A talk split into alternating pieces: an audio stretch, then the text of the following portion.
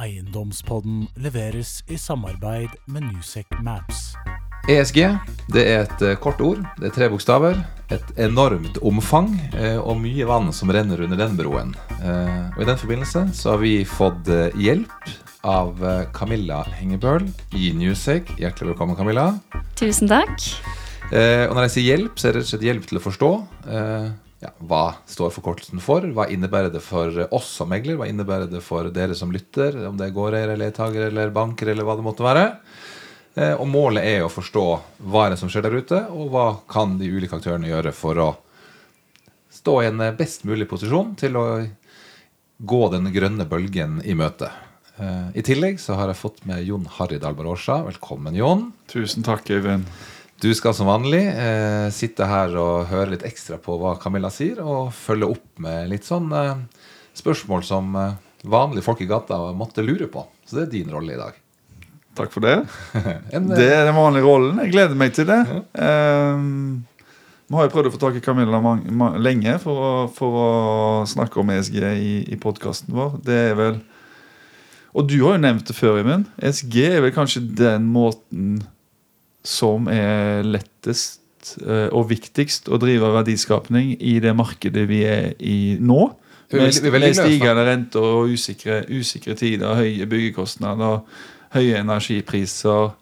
eh, en verden som virker, og en investorverden som virkelig begynner å, å, å se verdien av eh, bærekraftige investeringer. Så er det én person og ett område som er aktuelt for verdiskapning, så er det jo ESG-avdelingen i Newsec.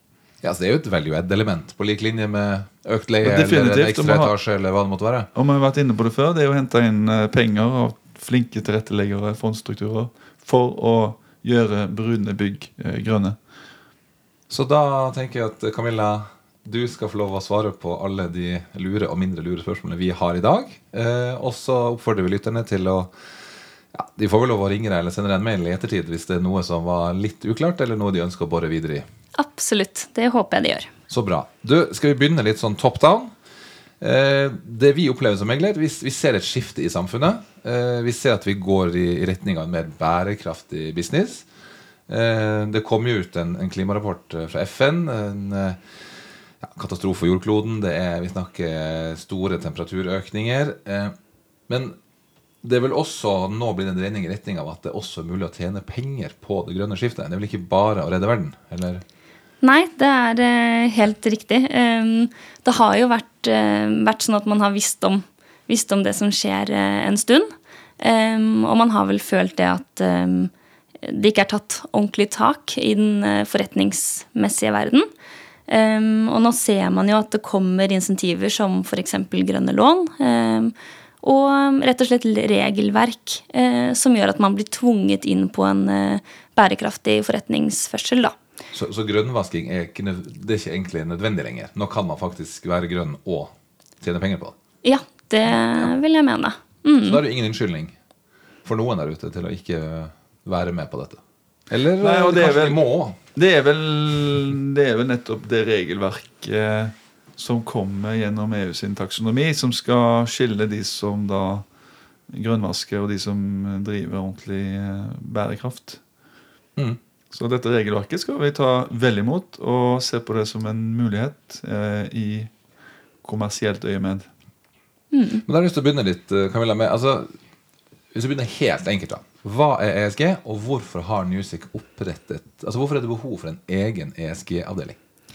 Det som, er, eh, det som er forskjellen fra, på ESG og det som tidligere har vært eh, det som er litt omhandlet som miljø, da, er jo det at miljøet miljø tidligere har vært det at man har tatt de første stegene inn i den verden med å eh, se på energi, vann, avfall og de eh, typiske operasjonelle eh, tingene ved et bygg.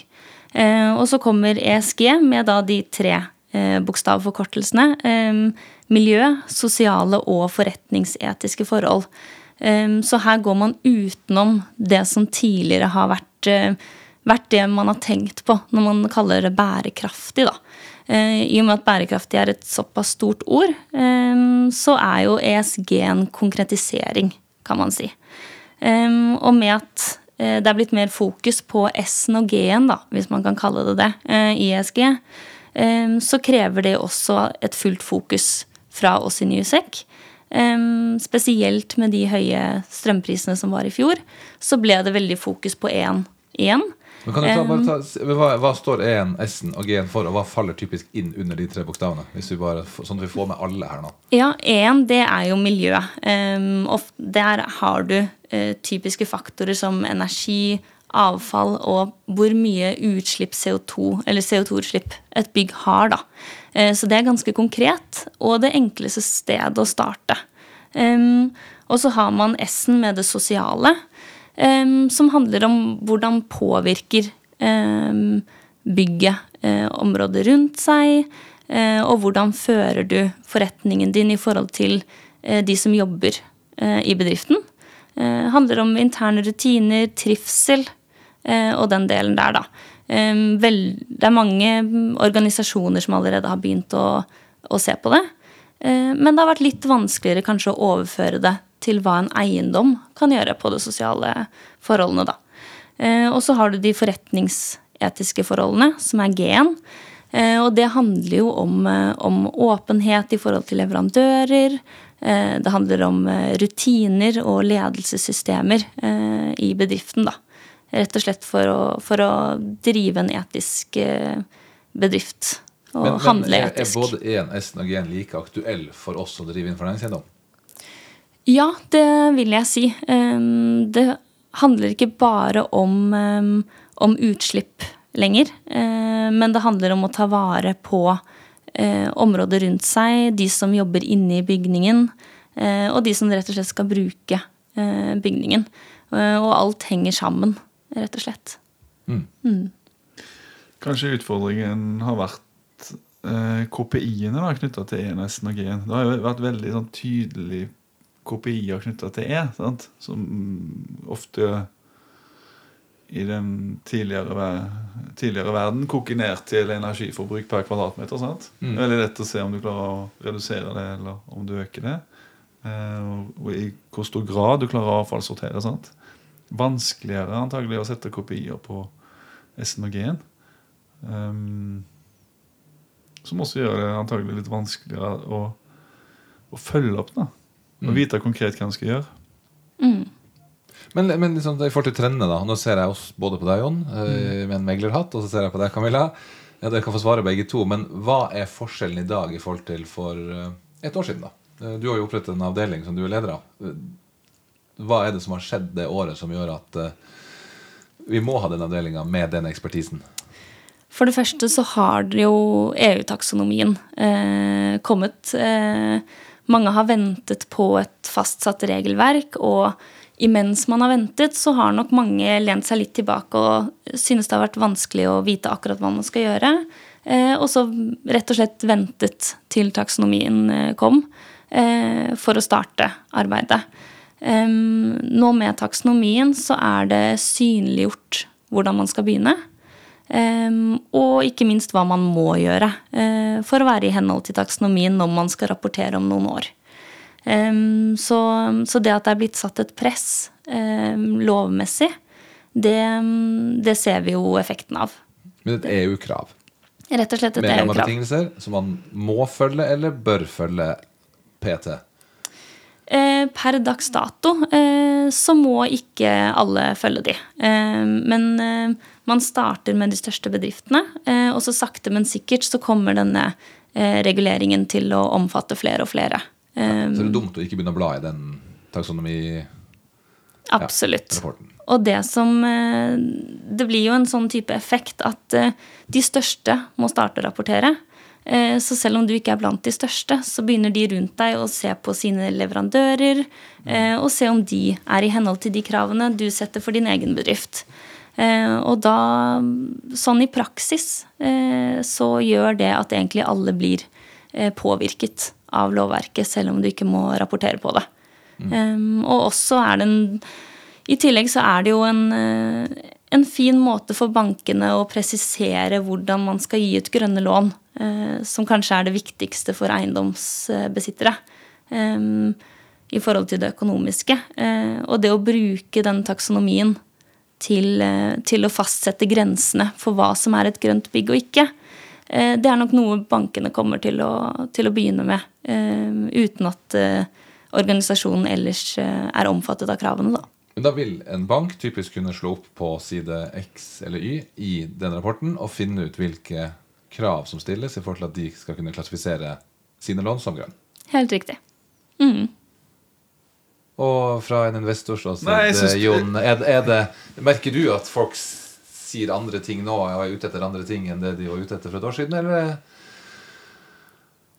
Det er jo ikke mer enn ca. to år siden jeg var i en uh, transaksjonsprosess der uh, kjøper, uh, veldig oppegående og profesjonell institusjonell kjøper, lurte på om eiendommen eh, kunne Bream-sertifiseres. sant? Eh, og da sier vel ganske mye om det kunnskapsnivået det fokuset som var på den tida, kontra nå. Mm. Eh, det, det, spørsmålet vil ikke være stilt eh, nå, for alle vet at du får selvfølgelig sertifisert. Men spørsmålet er eh, hvilken type sertifisering du ville fått, og mm. hvilken type investorer som vil stille ulike krav til ulike typer sertifisering. Så Nå snakker jeg om Bream-sertifiseringen, som mm. Music gjør, gjør, veldig mye, mye, av. Og Det var jo et konkret tilfelle for en transaksjonsprosess. Og åssen det har endra seg nå, nå, nå er jo det på, på dagsorden i et enhvert eh, investormøte. Mm. Eh, hva, hva energimarked har dette bygget? Eller kan det, eh, hva skal til for å gjøre det fra et F-bygg til et C-bygg, f.eks.? Er det sertifisert? Kan det sertifiseres med en Bream Excellent? Eh, de diskusjonene der er jo en helt sentral del av en eh, transaksjonsprosess. Fra leietagersida så er det jo også veldig relevant. Eh, hvilken type bygg er dette her? Hvor mye energi suger det? Men, men vi, har jo, et regelverk. Det er taksonomien. Og så har vi verktøy som man kan bruke for å avsløre eller verifisere hvor man står i forhold til de kravene som taksonomien setter. Og så har du sertifiseringer. Men hvordan vet man at man har gått for den sertifiseringa som gjør at man er i tråd med taksonomien? Ja, det, det, er et godt spørsmål, og det har jo Newsec jobba mye med. Nå gleder jeg meg til du skal svare på dette. Jeg hadde lyst til å svare sjøl. Men ja, eh, ta, ta, det der hovedskillet mellom f.eks. Bream og og taksonomi compliant, da, som vi har jobba en del med i det spacet der. Mm, for nå er det jo sånn at sertifiseringene, regelverket der, kommer jo egentlig før taksonomien. Jeg tror nok uansett at eh, det er viktig her å skille mellom Bream in Use og Bream Nord. Eh, Bream in Use er jo et stillbilde på et bygg i drift. Så her har du et, et bygg som allerede er oppe og står, og så ser du hvordan er miljøytelsen til det bygget akkurat nå. Eh, og der er, jo, eh, der er det vanskeligere å se den eh, trenden mellom sertifiseringen og taksonomien. også litt eh, pga. at den nyeste versjonen av Breamy News kom for to år siden. Og da var det veldig mye som ikke var fastsatt i taksonomien. Jeg får bare ta det. Taksonomien det er et myndighetsbelagt krav. Bream er, er det et privat Eh, initiativ, eller er det et myndighetsinitiativ, det òg? Det er privat. Det er privat. Og ja. det kom før taksonomien, så de visste jo ikke hva taksonomien kom til å komme med. Så her har ting skjedd litt i feil rekkefølge. Eh, ja, men samtidig så er det jo eh, Med den sertifiseringen så er du godt på vei, og du gjør jo et godt stykke arbeid. Eh, men du må forvente å gjøre litt til for å være i henhold til krav. Og på Bream Nord så er det litt forskjellig igjen.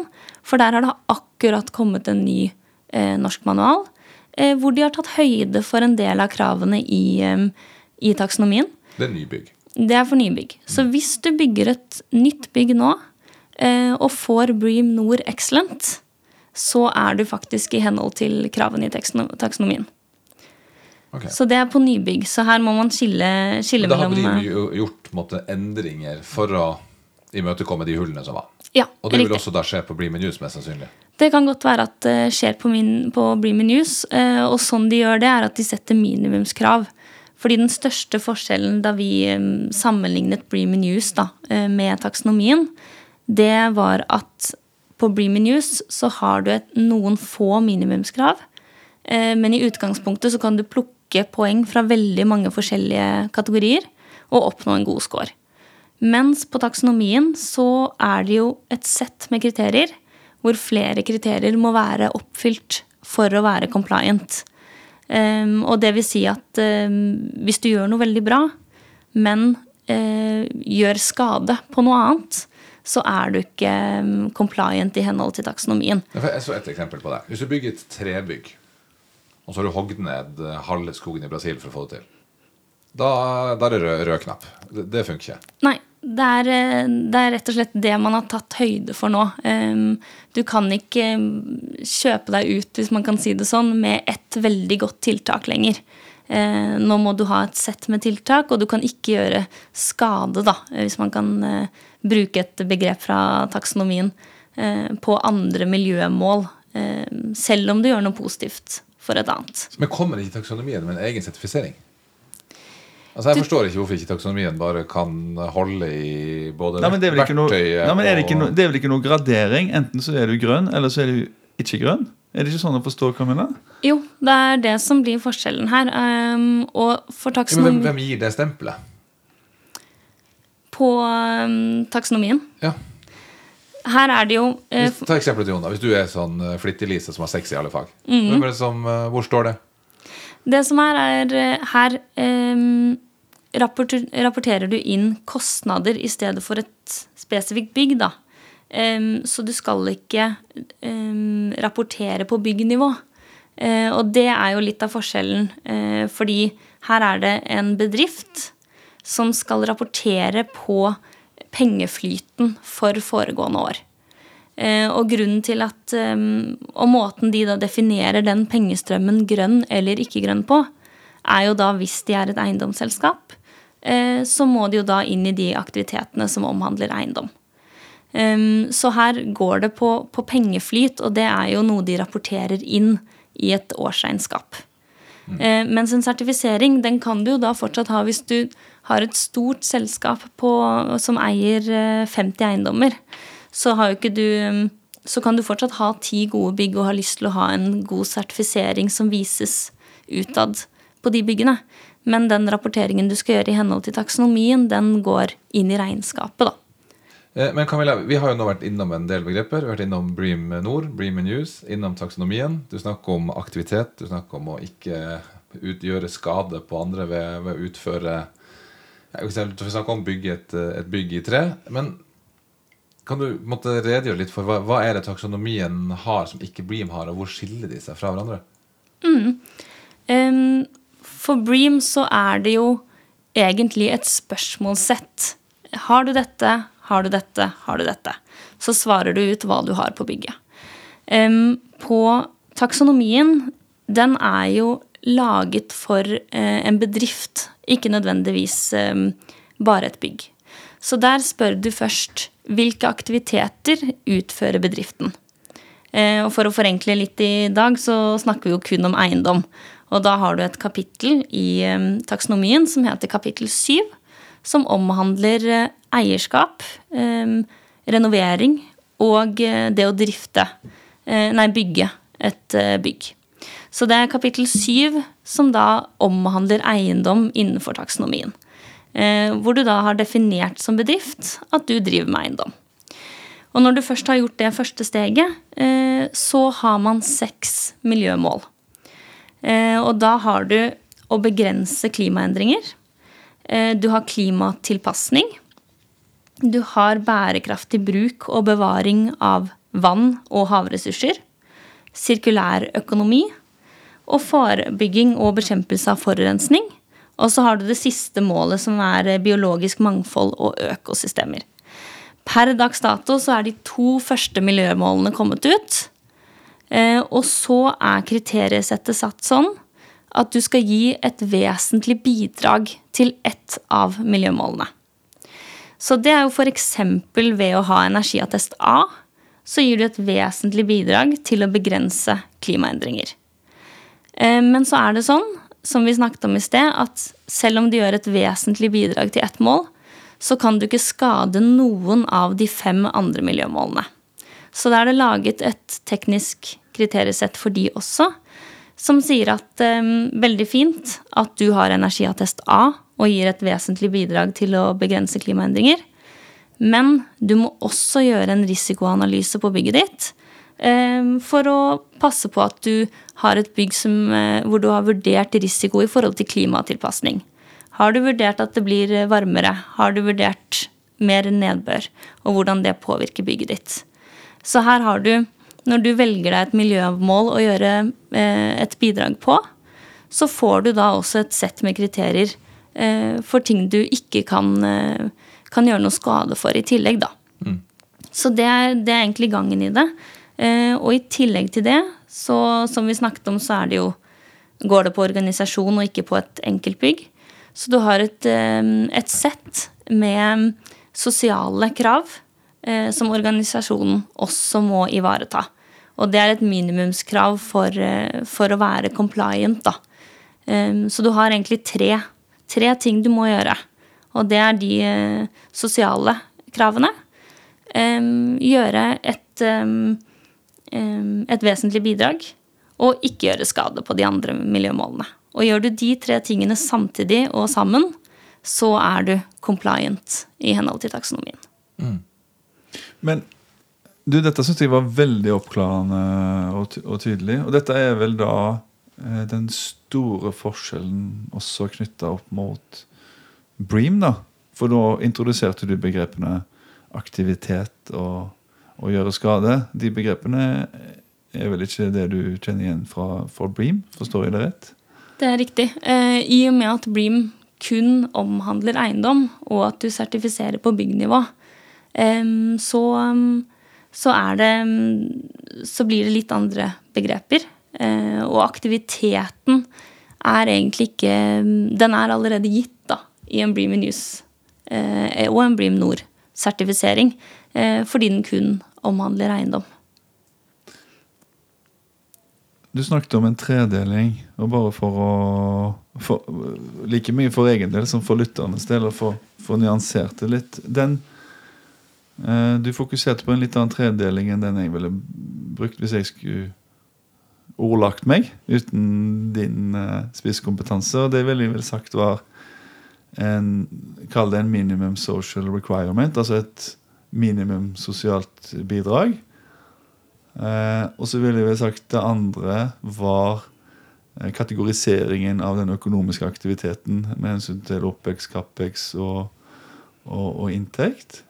Og så ville jeg sagt at det tredje var en klima- og sårbarhetsanalyse. Er det feil? Er det galt, eller er det Da har du lagt veldig stor vekt på um, den, det med OPEX og CAPEX som du snakker om. Um, som egentlig bare er måten å rapportere på. Um, I taksonomien så skal du jo rapportere på, på pengeflyten ja. for det foregående årene, året. Um, så um, det med den klima- og sårbarhetsanalysen, ja. det er jo å ikke gjøre skade på miljømål 2. Mens det å dele opp i OPEX og CAPEX er um, egentlig bare hvordan du rapporterer. Mm. Og da må du ha fordelt de penge, den pengeflyten uh, fra starten av og vite hvilken aktivitet hver pengeflyt uh, tilhører.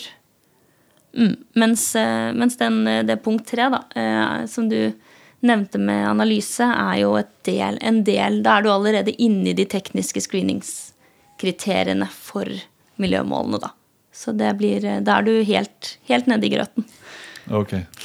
jeg blir jo litt varm om hjertet av å høre den samtalen her, fordi eh, Camilla kan alt, Jon eh, prøver å forstå, og jeg har falt av for lenge siden. Så det er egentlig helt fint. Og da tenkte jeg skulle spørre hvorfor er taksonomien løsningen? Det fremstår jo ekstremt komplekst. Ja, um, det er jo selv om det er komplekst, og mange tenker at, at, nå kom det enda en standard, enda en ting vi må sette oss inn, inn i for å definere oss selv som grønne, eh, så kan man se det litt sånn at alt det virvaret som har vært tidligere med de forskjellige standardene, det har vært et forsøk på å definere eh, grønn forretningsdrift eller grønne bygg. Eh, men man har egentlig aldri blitt enige om en felles standard. Og det har jo gjort at eh, noen kan kalle seg grønne fordi de rapporterte i henhold til én standard. Og så kan noen andre kalle seg grønne fordi de rapporterte på en annen standard. Eh, men de Man vet er, Man har ikke noe Man har ikke noe verifisering, da. Folk har på- forma litt i blinde. Og folk Ja. har ikke helt visst om de eh, har snakka om epler og epler. Eller, men, men nå Ja. at nå har vi en felles grunnlag og en felles plattform som vi kan ta utgangspunkt i. Riktig. Så nå er alle i EU skal rapportere på det samme. Eh, og den er en verifisert standard som sier at hvis dere gjør det sånn her, så gjør man et faktisk bidrag. Du vet at det du gjør, hjelper frem mot de målene som er satt eh, for EU i 2050. Så det er ett sted man skal begynne å lese og prøve å forstå, så er det taksonomien. Riktig. Ja. ja, men det er bra. Jo, men eh, nå har jo Camilla lest mye, og jeg har lest litt. Og jeg vil jo si at eh, du, du, du, du, du løser ikke det der på egen hånd. Um, og det er jo derfor også Music satser ganske mye rundt eh, disse tjenestene. Fordi det er vanskelig. Eh, og bedrifter, eh, eiendomsselskap, de har jo ikke ubegrensa ressurser. Så Eh, og alle selskapene står for akkurat samme utfordring. Eh, og dette regelverket er jo ikke statisk. det Eh, det, det, det beveger seg. Sant? Og skal du da etterleve dette her og være, være flink, så er, du, eh, så er du avhengig av eh, eh, teknisk kompetanse, du er avhengig av juridisk kompetanse, du er avhengig av ikke minst kommersiell kompetanse. For du må jo helst finne ut om Eh, Dette kan gi en kommersiell oppside, mulighet, eller om du kjøper feil bygg, du gjør feil tiltak, eh, du ikke gjør et grundig forarbeid. Så dette, det lovverket her, regelverket her, gir jo forretningsmulighet i egne avdelinger, eget fokusområde. Men det gir jo også et nytt Det øker jo kompleksiteten i eiendom veldig mye. Og det er jo noe meg og deg har snakket om før, Øyvind, og hatt foredrag om. Hvor, van, hvor lett det var tidligere, da. Når du hadde en ingeniør som, eh, som gjorde alt.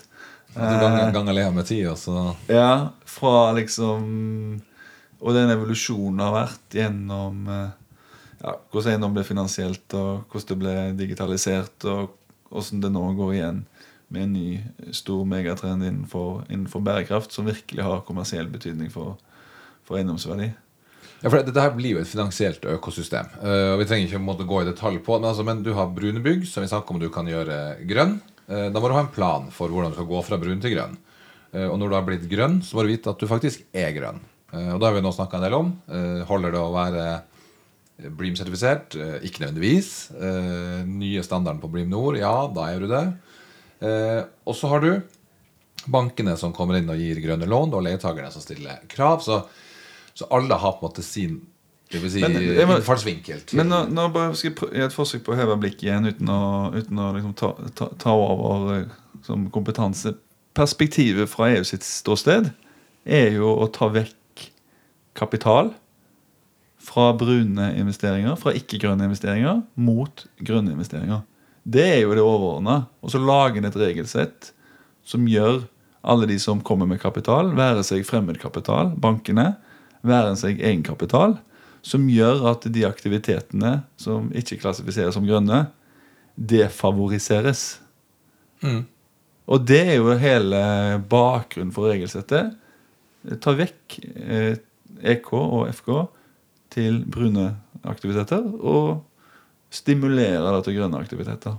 Jo, men, Og da har du to muligheter til å gjøre det. da Enten så kan du gjøre det ulovlig, umulig, dyrt på brunt, eller så kan du si Og det er piskmetoden, eller, eller så kan du gjøre den, eh, den uh, gulrotmetoden mot grønn aktivitet. sant? Når du da får eh, er compliant i til taksonomien og karakteriseres som grønn uh, på ordentlig, da får du tilgang til lavere eh, finansieringskostnad fordi banken kanskje må stille lavere egenkapital som risikobuffer bak. ikke sant?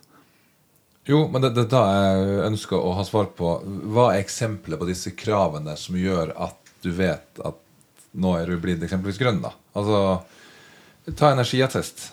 Eh, Det snakkes om at du skal være topp 15, eventuelt eh, så holder det med A. Altså, Hva, hva betyr det? Ja, da mm, er man jo inne i det miljømålet som vi snakket om i sted. Det første miljømålet med å begrense klimaendringer. Og der er det energiattesten som eh, bestemmer. Eh, det har vi også sett eh, de to siste årene, at energiattesten er blitt veldig mye viktigere for byggeiere. Og det er rett og slett fordi at det å ikke gjøre skade på det miljømålet, begrense klimaendringer, det er å ha minimum en energiattest C. Så det vil si at hvis du har en energiattest som er dårligere enn C, så kan du ikke bli compliant i henhold til taksonomien. Da tilfredsstiller du ikke én sant? som går på miljø eller environmental. da. Det er det du sier, Camilla?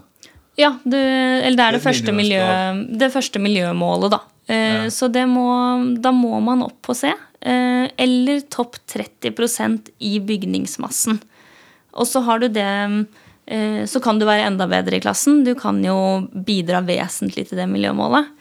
Og da må du ha energiattest A, eller være topp 15% av bygningsmassen i Norge, da.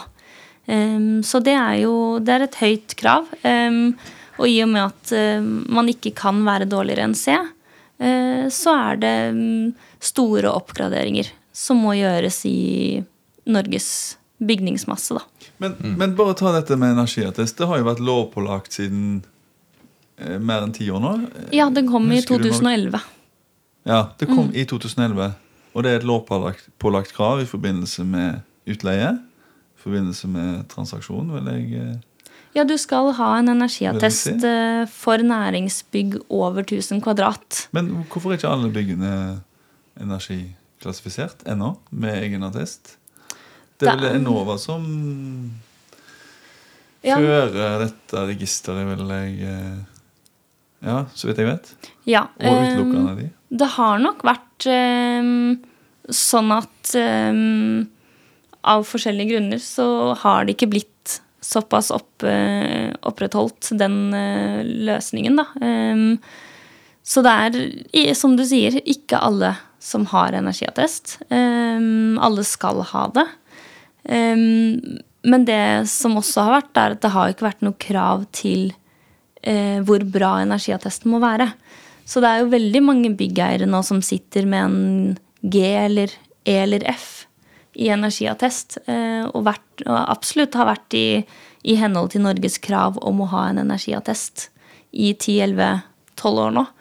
Eh, men de eh, Nå er jo kravet høyere. Du kan ikke bare ha en energiattest i henhold til norsk lov, men du må faktisk ha en god karakter på energiattesten også.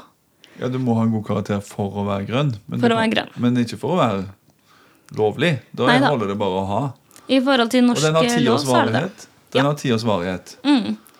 Det er nok derfor også at det er en del som eh, ikke har akkurat nå. For nå, nå er det en del attester som har gått ut, og så driver byggeierne og, og jobber med å lage nye attester, da. Som skal vare i ti år til. Og der lager Newsec eh, mange av de. Da er det jo energiavdelingen i Newsec som eh, driver og lager energiattester. Mm. Og så er jo eh, den nye avdelingen, ESG-avdelingen, kan man bruke for å få en tiltaksplan for å øke scoren, eller få en bedre karakter på, på energiattesten, da. Så der er, viser det jo litt forskjellen på på um, energiavdelingen, som har vært i Nysec i flere år, og, og den ESG-avdelingen, da, på hvordan man, man, ser på de egentlig samme tema. Uh, det er energiattest, men på den ene siden så sitter energirådgivere og lager energiattesten. Uh, men så kan man bruke den ESG-avdelingen for å komme inn fra et kommersielt standpunkt. Og, og, se på hva man kan gjøre for å forbedre den. Og mm. komme i henhold til til taksonomikrav eller krav for grønne bygg. Mm. Men, men eh, fra, fra, et sånn analytisk ståsted eh, Det er veldig mange, altså Bankene snakker om at eh, x prosent av utlånet skal være til grønne bygg. Du snakker om at uh, først må du ha en bokstav, og så må bokstaven være topp 15 uh, hvor, hvor, ser, hvor, ser, man hvilke bygg som er grønne, og hvem som er brune? Hvordan vet man at man uh, Altså, Har DNB sjanse til å, å, få lånt ut til så mange grønne bygg som det er snakk om? Fins det så mange grønne bygg? Jeg savner, jeg savner litt uh, hvem er det som håndhever det, og hvem er det som har den totale oversikten. Uh, og Jeg legger jo også litt opp til Smash her, for vi har jo gjort en stor jobb på, i vår egen karttjeneste. Men uh, Nei, men Det er jo lov å legge opp til, til egen Smash. Det må jo være, det må jo være en, en arena for det. det med, altså mye, mye prat og jeg- jo, men vi prøver jo å Åssen tjener du penger? Det er jo å løse andres problem. Stort sett de fleste som tjener noe penger. Om det være seg underholdning eller data eller eh, eh, selge til en god pris. Så vi har jo eh, brukt veldig mye penger eh, på å utvikle en Music Maps-karttjenesten der vi har samla inn energidata. Der vi jobber med et prosjekt for å avdekke hvilke eiendommer som er topp 15 Eh, og der vi har delt Norge inn i, i ulike klimasoner. Der vi har delt eh, Eiendoms-Norge inn i ulike kategorier for å nettopp avdekke om du er topp 15 eh, eller om du ligger på topp 18% sånn som vi avdekker nå. Nå er ikke alltid den siste funksjonaliteten tilgjengeliggjort for kunde, men det er en, det er et, det er jo et svar på den utfordringen som bransjen har hatt, og alle de kundemøtene vi har vært i, der bransjen spør, der bransjen lurer, der alle skjønner at det har kommersiell høy verdi, og de lurer på sjøl hvor det ligger, og de trenger en eller annen benchmark å, å måle seg mot. Eh, Regelverket er- lagt, men ingen har egentlig løst det. Så der jobber vi jo i det spacet, og det bruker jo vet jeg, Camilla de òg når de, når de skal rådgi sine kunder inn i- på ESG eller på, på miljø, energi og miljø. Nei, nei, og, og, og du, Vi har jo måttet gått den veien nettopp for å kunne svare kundene på hvordan de ligger an i henhold til de tiltakene de måtte gjøre gjennom din avdeling. Camilla. Og, og det er poenget mitt. For det er veldig mange som nå har snakka i to år om at vi skal bli grønnere. eller vi skal, altså, De sier ting som de umulig kan bli arrestert på. Ja, men, men, men, men jeg savner, altså, det, det, den, det er det elementet jeg savner i hele diskusjonen. Som ja, Newsec gjør sitt bidrag til. Men, men også som du sier, Jon. Ja, de, de dette- bokstavene det har vært krav om i ti år. Og så er det 30% av byggene som ikke har bokstav. Er det ingen som Nei, det, det er et eller annet her som ikke hånd, Det håndheves ikke. håndheves ikke. da Nei, det er det som er et Og det er litt av utfordringen. Du kan lage, lage lover og regler, men det må på en måte håndheves. Men, men eh, så er det litt opp til markedet å håndheve det òg. Hvis markedet driter i energiattester, driter i strømforbruk sant? Strømmen har jo kosta 30 øre. sant? Det har jo ikke vært Altså, eh, Du bruker ofte deg sjøl og familien som, som eksempel. Sant? Du har ikke blitt interessert i varmepumpe du før det, før, før det siste året du er der. sant? Sant? Så når du får høye strømpriser, ja, da blir du opptatt av det.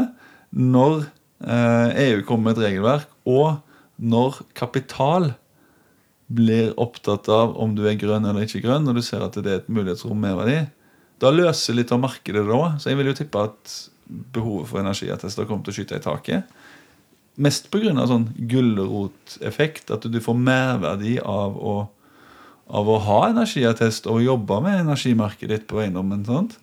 Ikke primært fordi myndighetene sender bøter eller eh, Men jeg tror det er liksom den markedet løser det på den positive og den gulrotmetoden.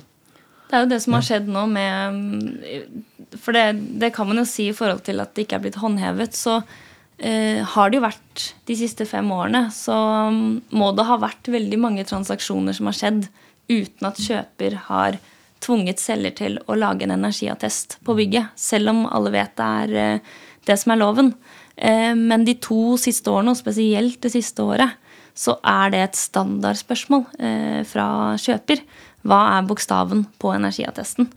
Um, og så er det veldig mange som er opptatt, spesielt i Oslo med mye gammel bygningsmasse, så er de opptatt av hva har andre? Er det mulig for oss å oppnå dette når vi er eh, ved rådhuset, det er masse gamle bygg? Ja. Har naboen Ja. vår klart det? Og Ja. det mm, er jo noe ja, og det er jo um, noe som vi også kan bruke Newsec Maps til å svare ut for kundene. da. For da kan du jo faktisk gå inn og se på naboen din.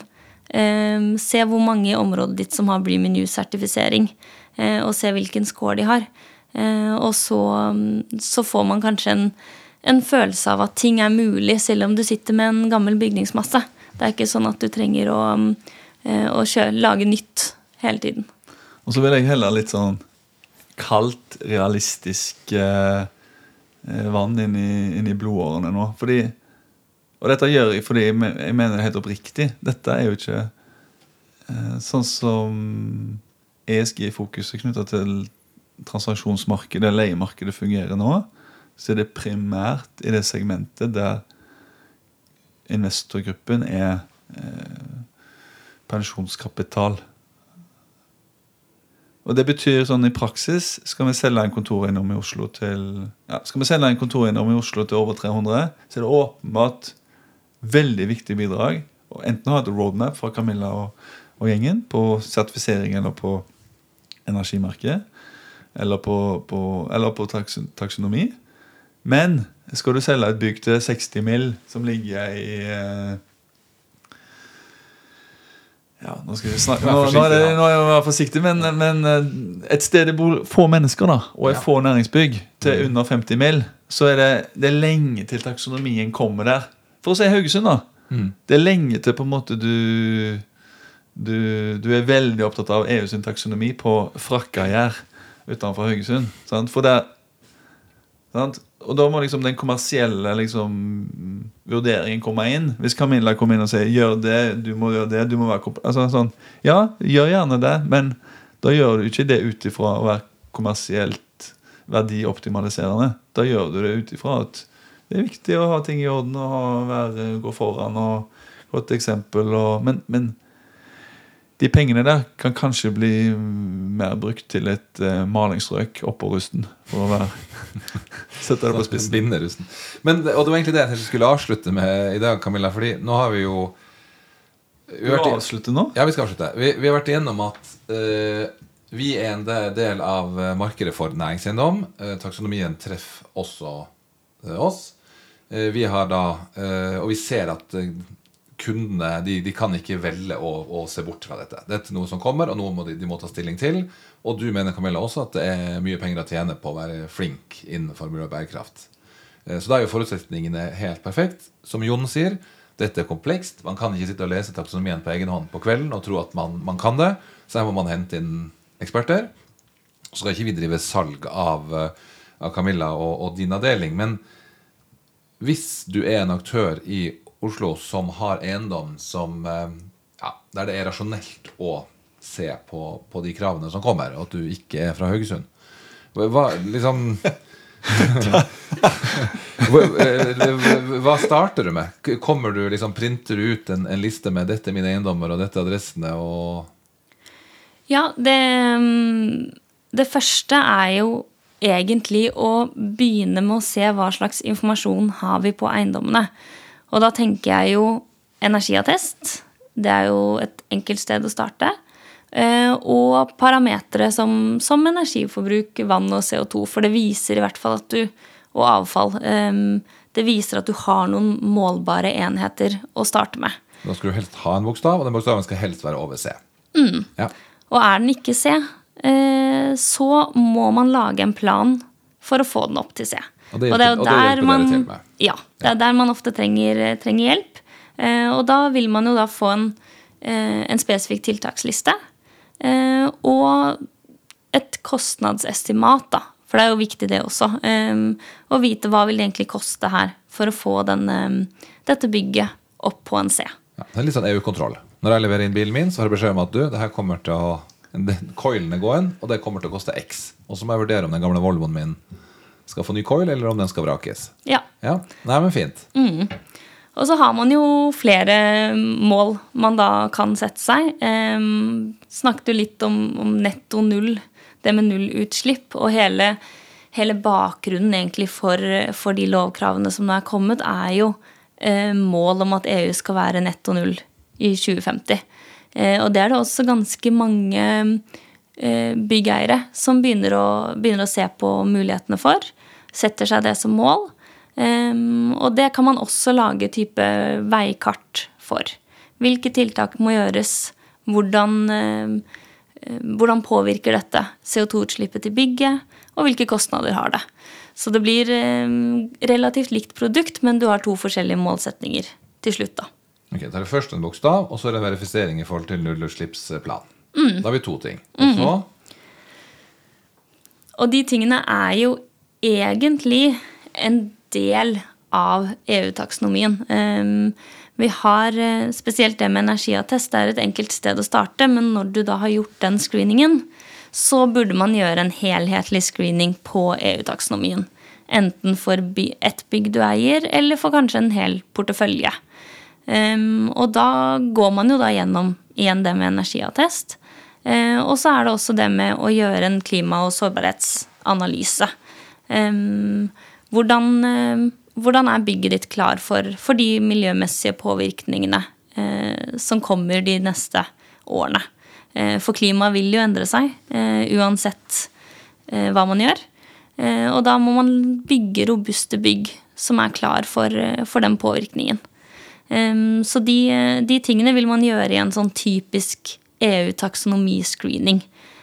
Og også se gjennom de sosiale minimumskravene og hvordan, hvilke ledelsessystemer man har i organisasjonen. Um, ja, og ja, rett og slett hvilke rutiner man har på de sosiale kravene da, innenfor organisasjonen. Og de gjelder jo for alle bygg man eier. Så, mm. så, det er en typisk ting man vil gå gjennom for, på en taksonomiscreening.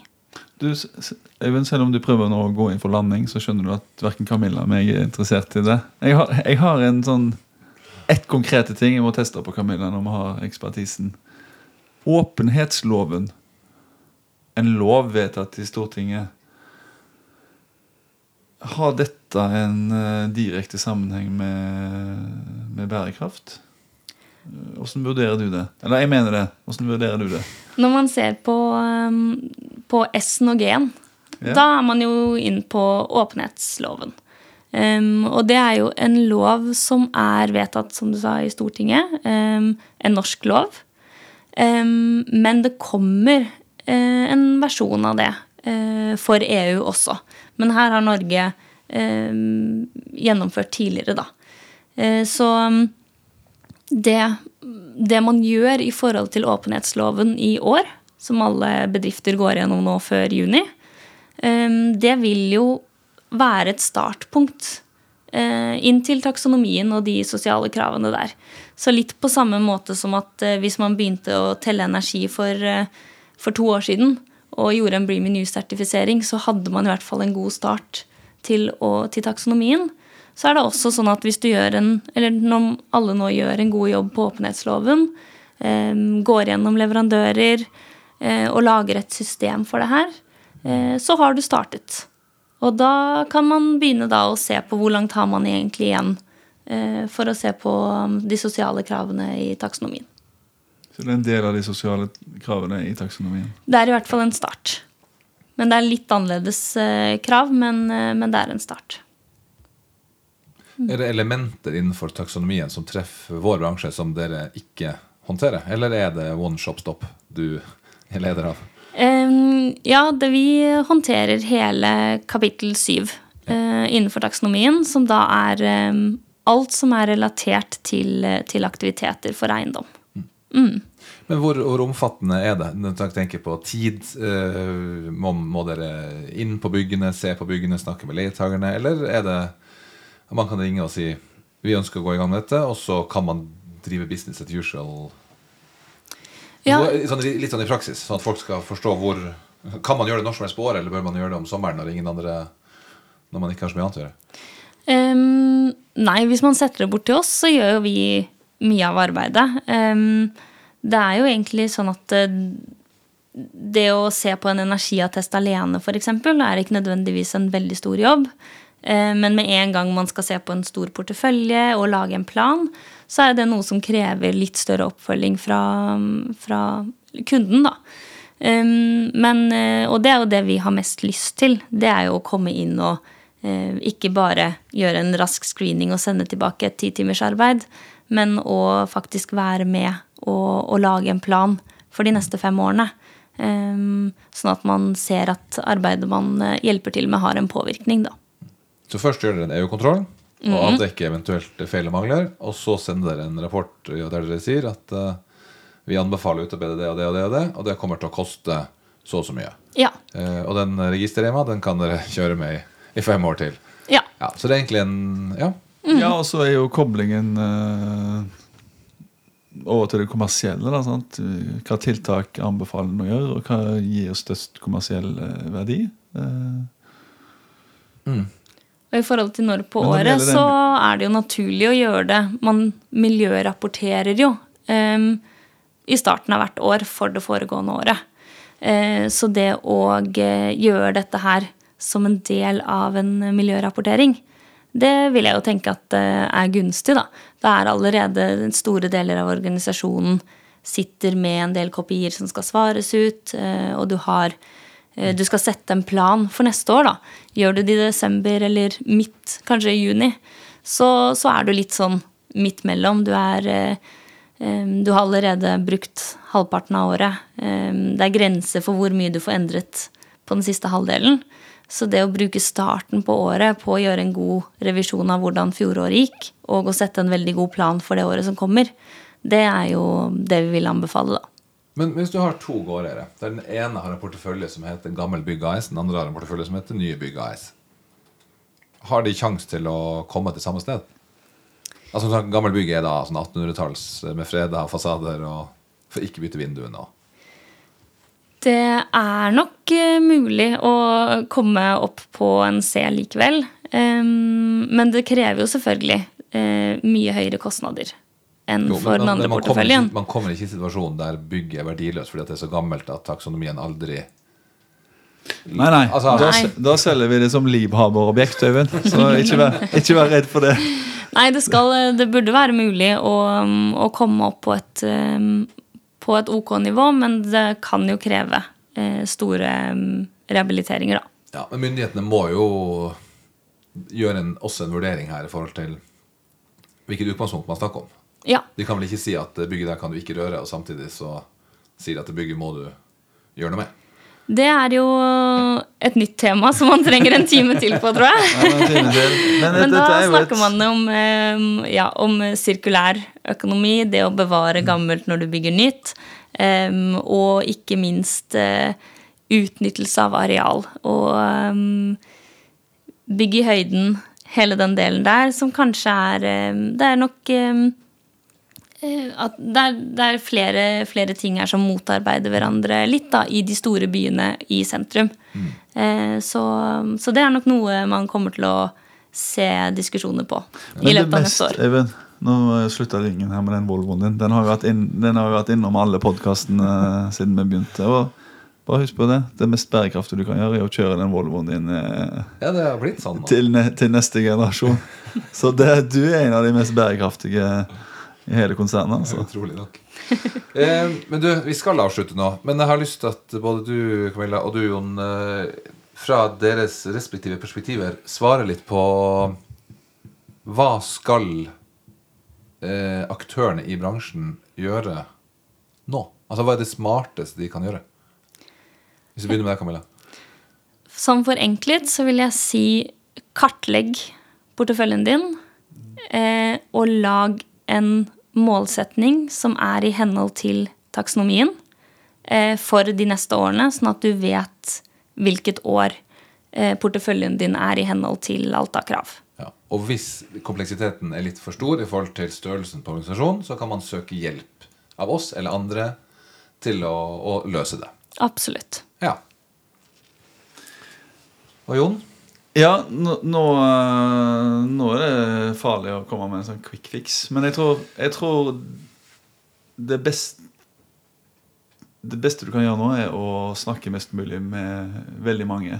Eh, både de som er langt framme, de som er skeptikere, de som er, ser den neste trenden, jurister, eh, arkitekter. Altså snakk Tilegn deg mest mulig informasjon, sånn at du tar, får et best mulig beslutningsgrunnlag. Ja, For nå er markedet litt Ja, i disrupsjon, og det, det skjer såpass mye simultane ting at uh... Nei, men også er det mange som har gjort veldig mye. Sant? Så la oss Jeg vil liksom prøvd å komme i kontakt med de som De flinke juristene, de flinke gårdeierne, de flinke utviklerne, de flinke byråkratene, de bygningsetter Altså mest mulig informasjon fra flest mulig kompetente miljøer i, i hele verdikjeden. Altså det, det, du Ja, men søkeinformasjon søk informasjon. Og Ja, men det du sier at Det har rent nok vann gjennom elva nå til at de flinke skjønner hva som skjer. Det er det du sier. Ja, og skjønner, eller iallfall har støtt på problemstillinger som du er Det er veldig vanskelig å nå alle problemstillingene på egen hånd, så det er jo å snakke med markedet. Ja. Ikke tro at du løser dette sjøl. Ikke tro at du sitter på svarene sjøl, for dette er jo et, et moving target. sant? Men den kompleksiteten vi står i nå, da. Skal, skal vi stå i den kompleksiteten nå over lang tid, eller er vi på en måte på vei fra level 1 til level 2, og så kan vi liksom Men dette er et Nei, nå burde Camilla svart, men jeg svarer. Det, altså, dette er et første utkast til et regelverk. Eller dette er et første regelverk ikke sant, som iverksettes. Og regler er jo for alle. Og Det betyr at eh, de treffer alle. Og noen treffer de perfekt. eh, Og noen treffer de helt hårreisende dårlig. sant? Så nå må jo dette regelverket nå må en forholde seg til det regelverket, og så vil det komme en versjon 2, helt sikkert. Og så vil det komme nye KPI-er knytta til 1, og så kommer det konkretisert hva som ligger i S-en, og så G-en, og så noen KPI-er der, og så ja, passer og nå, det. nå ser jeg på Camilla. Hvor lenge skal vi holde på sånn? Med konkretisering, spesifisering ja, det er min hypotese rundt dette. Hvor lenge varer det? For nå har Vi jo hatt, vi har jo hatt 10-15 år i bransjen, som har vært helt fantastisk. Mm. Vi har dratt på sommerferie på våren, kommet tilbake på høsten, og vi forhold, altså, det, har, det har ikke skjedd masse innenfor det regulatoriske som gjør at vi må lese 100 bøker for å liksom henge på. Men nå skjer det jo en ekstrem omveltning. Hvor Ja. lenge skal omveltninga skje? Naivt spørsmål, sikkert, men Ja, men nå har man jo fått regelverket, så man vet at taksonomien gjelder. Eh, og man vet at man skal rapportere, og man vet hva man skal rapportere på. I hvert fall nå de første av to seks, av seks eh, miljømål, da. Em, så, så der er det rett og slett å starte. Og trenger man hjelp til det, så er det, som Jon sier, mange i samfunnet som har allerede eh, funnet ut av hvordan man gjør det.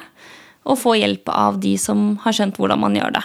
Og det er jo steg én, og det er ganske tydelig. Um, og så er neste steg er jo hva skjer med de som rapporterer og faller utenfor compliance. Uh, og det vet vi ikke ennå, men det um, Det har ikke noe å si for, at, for det faktum at du burde begynne å rapportere. Nei, Så forutsetningene er på plass, Ja. og det er ingen unnskyldning for å ikke starte. Men vi har en ganske bratt læringskurve foran oss, alle mann. Ja. eh, Og vi vet ikke helt hva som skjer med de som eh, sover i timen. Nei. Nei. Men det som er positivt det siste året, er at vi ser i hvert fall at alle er med og deler kunnskap. Ja. Det har vi vel erfart alle sammen, at bærekraft og ESG er et tema som, eh, som folk deler det de har gjort. Deler erfaringer og er, er villige til å lære bort. Så det er ikke noe sånn hemmelighetsskaperi som har vært kanskje i andre bransjer. Her, er det, her deler man, eh, og det gjør at vi kommer til å nå, nå målet fortere. Og det er jo noe vi i Eiendomspodden har gjort et fortvilt forsøk på i dag. Det er å fortelle det vi vet. Godt, godt uh, sagt. Ja. Så det er vårt uh, bidrag. Uh, og med det så tror jeg vi skal avslutte. Eh, og så kanskje Camilla kommer tilbake og snakker om sirkulær økonomi og den biten som vi begynte å touche inn på. Eh, og så forstår jeg hvis lytterne har noen spørsmål de fortsatt eh, ikke har fått helt svar på. Men da er Camilla tilgjengelig eh, og kan svare på det og mye annet. Så det gjenstår egentlig bare å takke for innsatsen, Jon. og hjertelig takk for din kompetanse, Camilla. Tusen takk. Og så er vi tilbake Takk, med en ny eh, rett rundt hjørnet. Litt Ja, du, nå marked jeg og. Du, nå får jeg klager fordi det er for sjelden. Altså. Det er nye eiendomspodder rett rundt hjørnet. Ok. Ikke fortvil. På gjenhør, og takk til lytterne.